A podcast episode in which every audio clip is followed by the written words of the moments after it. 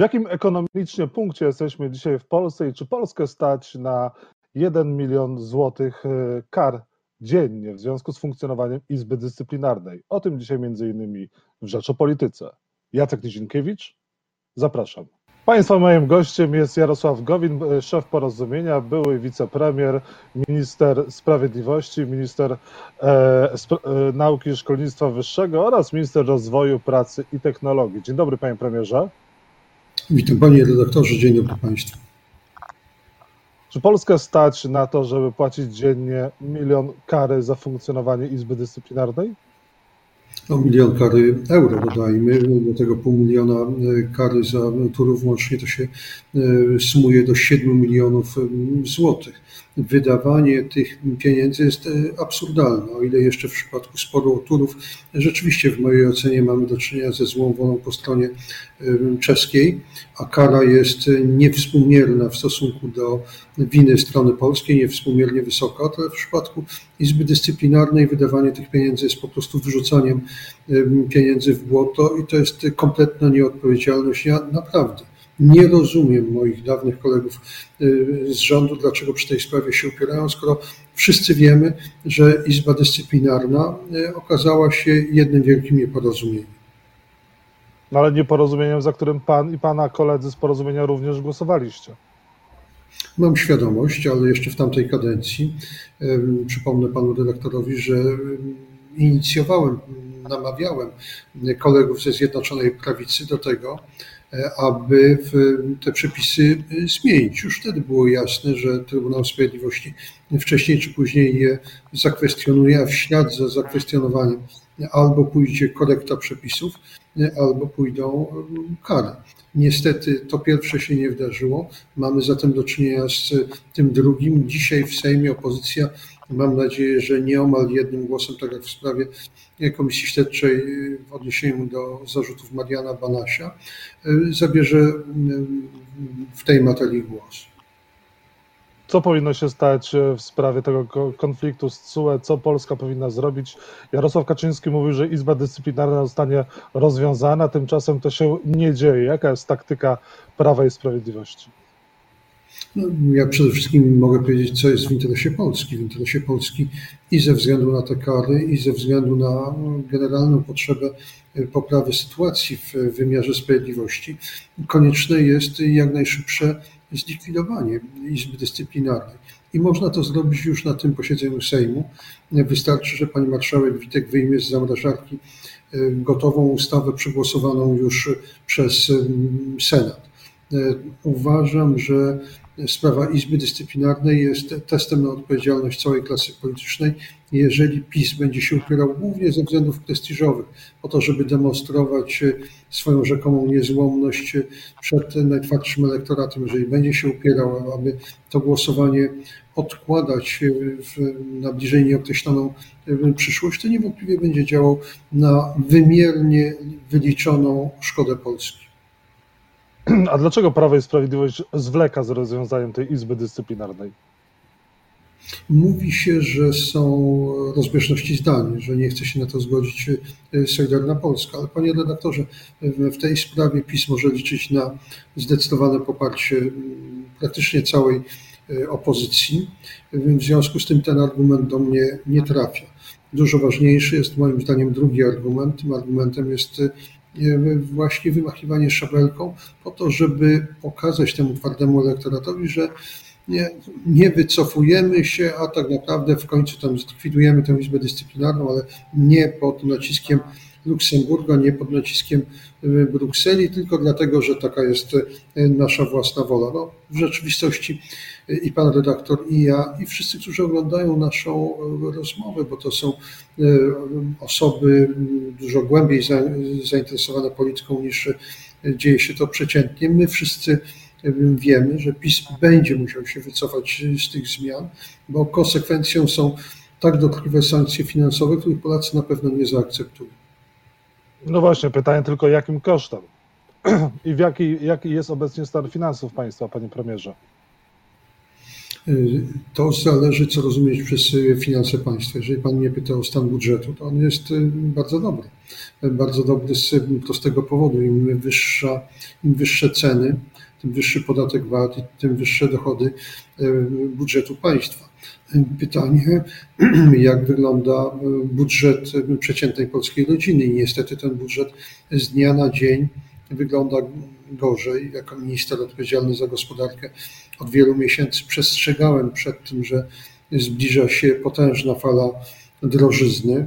No, niestety, zamiast przeciwdziałać temu, Prawo i Sprawiedliwość zdecydowało się na socjalistyczny eksperyment, jakim jest ostre podniesienie podatków od 1 stycznia dla przedsiębiorców, czy szerzej dla polskiej klasy y, średniej konsekwencją tego, i to mówię z pełną odpowiedzialnością, będzie jeszcze większe przyspieszenie drożyzny.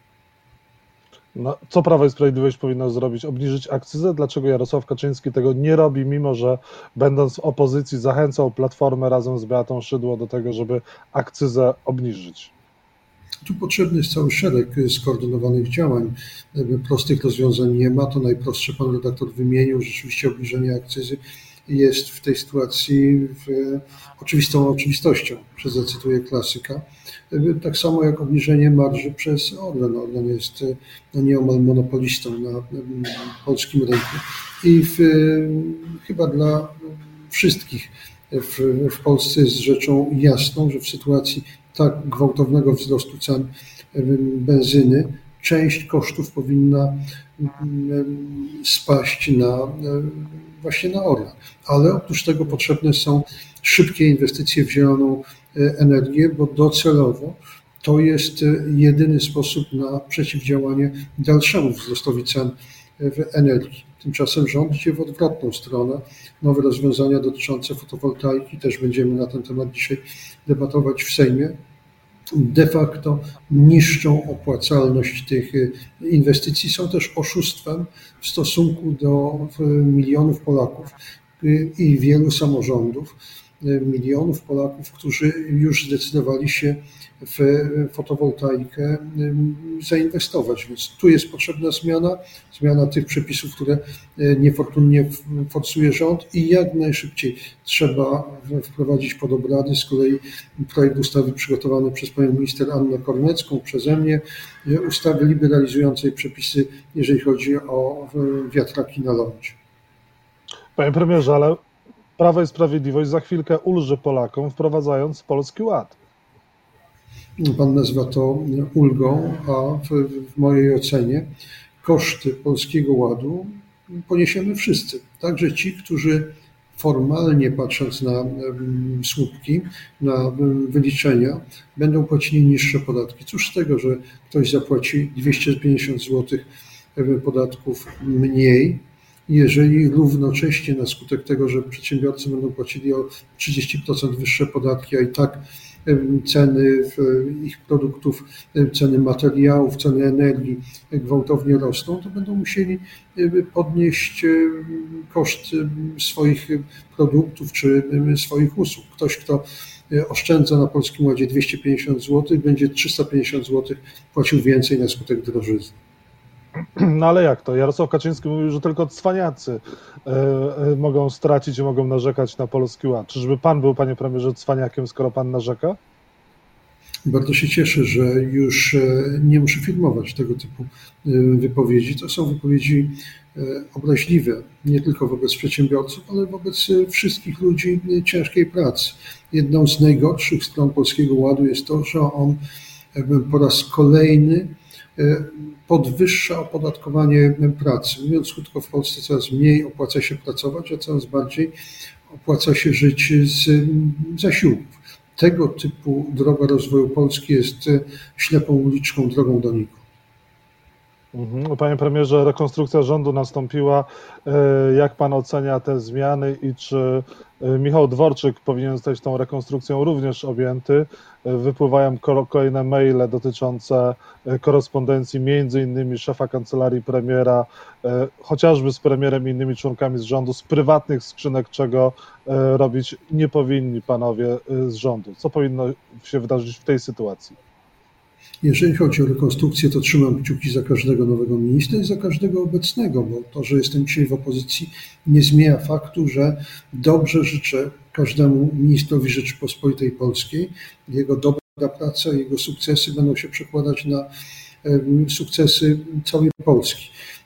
W szczególności te słowa kieruję pod adresem mojego następcy, pana ministra Piotra Nowaka.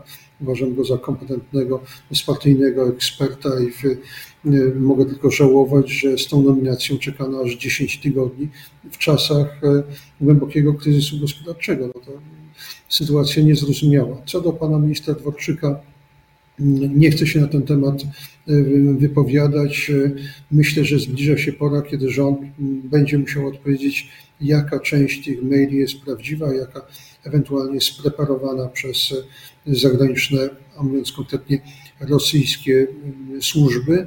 Na razie w tych mailach nie ma niczego, co by bezpośrednio pana ministra Dworczyka kompromitowało. Najbardziej kompromitujący jest sam tak masywny wyciek e, korespondencji najważniejszych osób w państwie.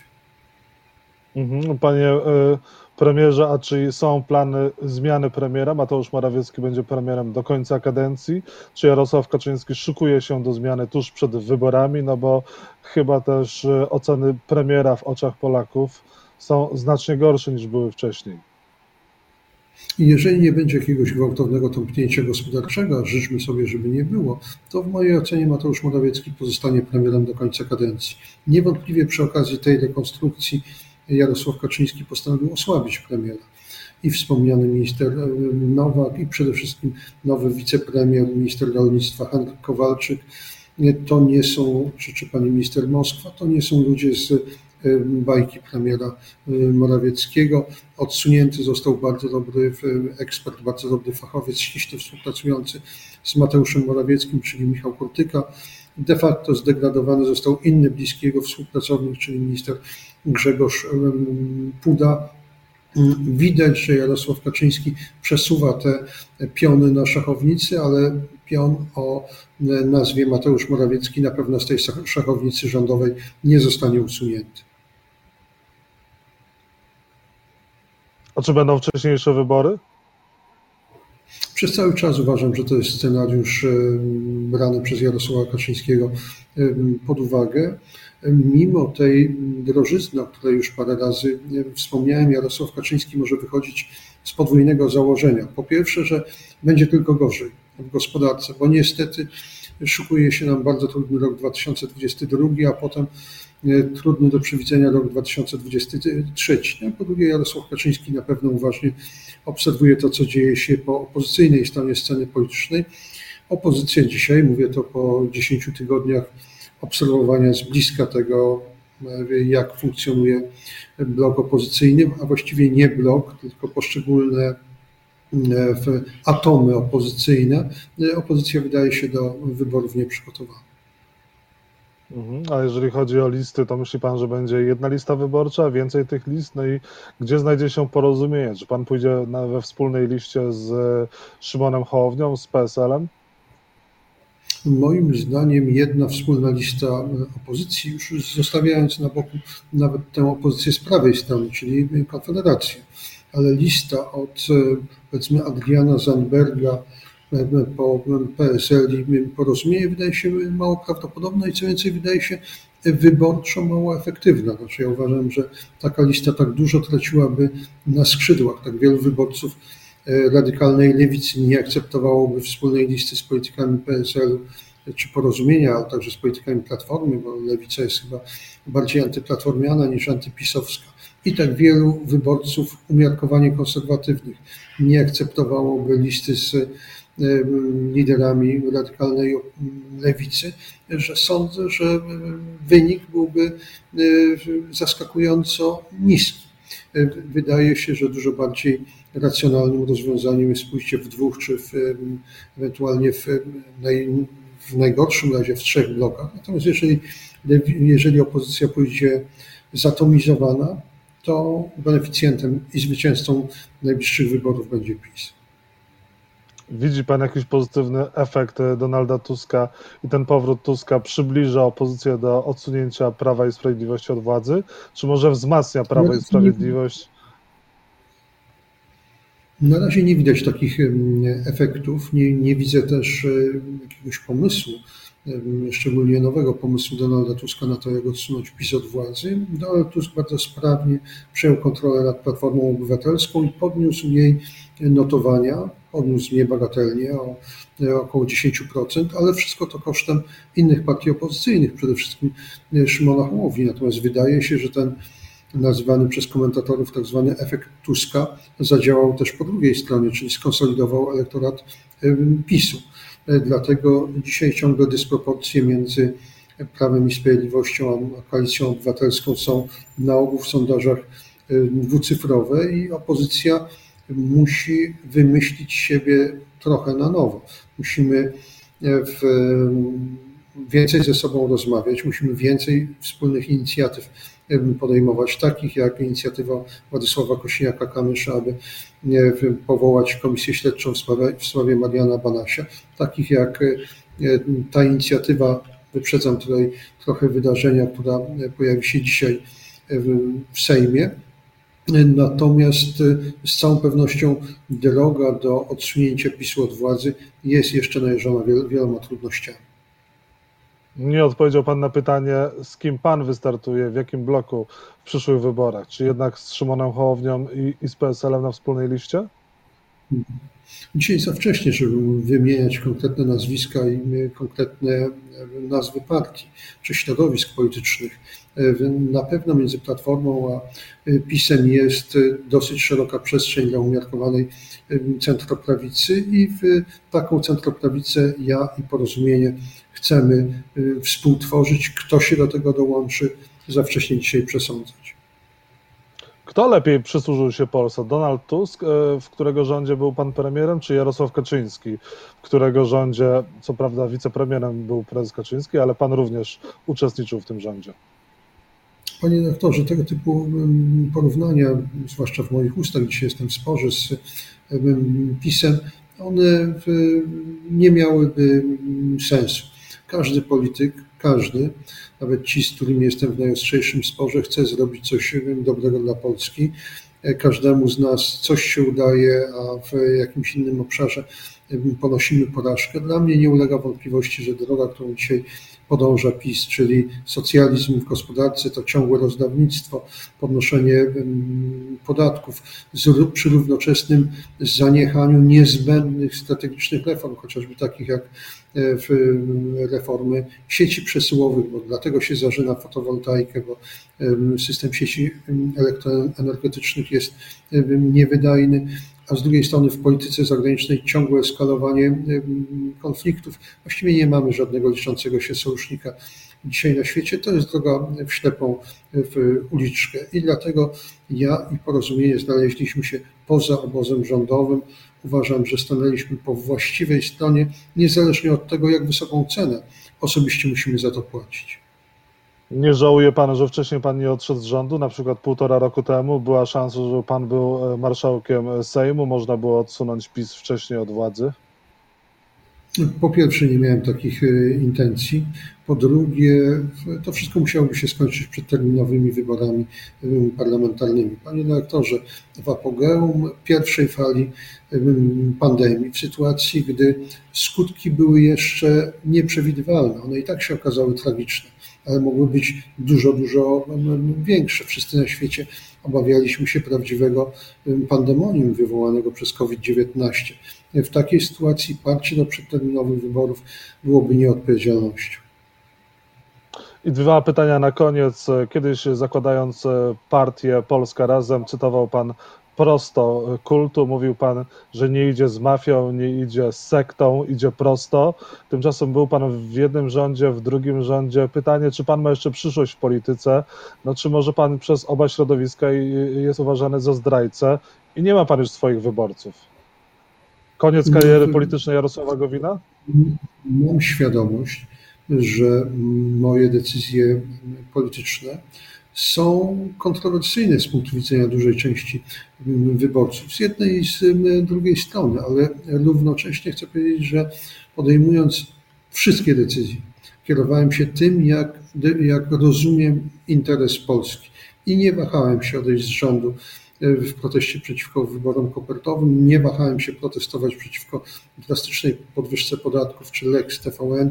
Za to zostałem po raz drugi usunięty z rządu. Jestem przekonany, że część wyborców to doceni i porozumienie w ramach jakiegoś szerokiego nurtu centroprawicowego będzie odgrywać istotną rolę w przyszłym parlamencie.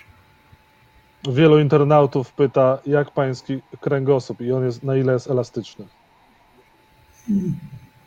Wzruszam ramionami na mm, takie pytanie. Proszę mi wskazać polityka w Polsce po 1989 roku, który dobrowolnie odszedł w proteście i w imię wartości, w imię wierności swoich poglądów dobrowolnie odszedł ze stanowiska wicepremiera, a potem drugi raz z tego stanowiska e, dał się wyrzucić.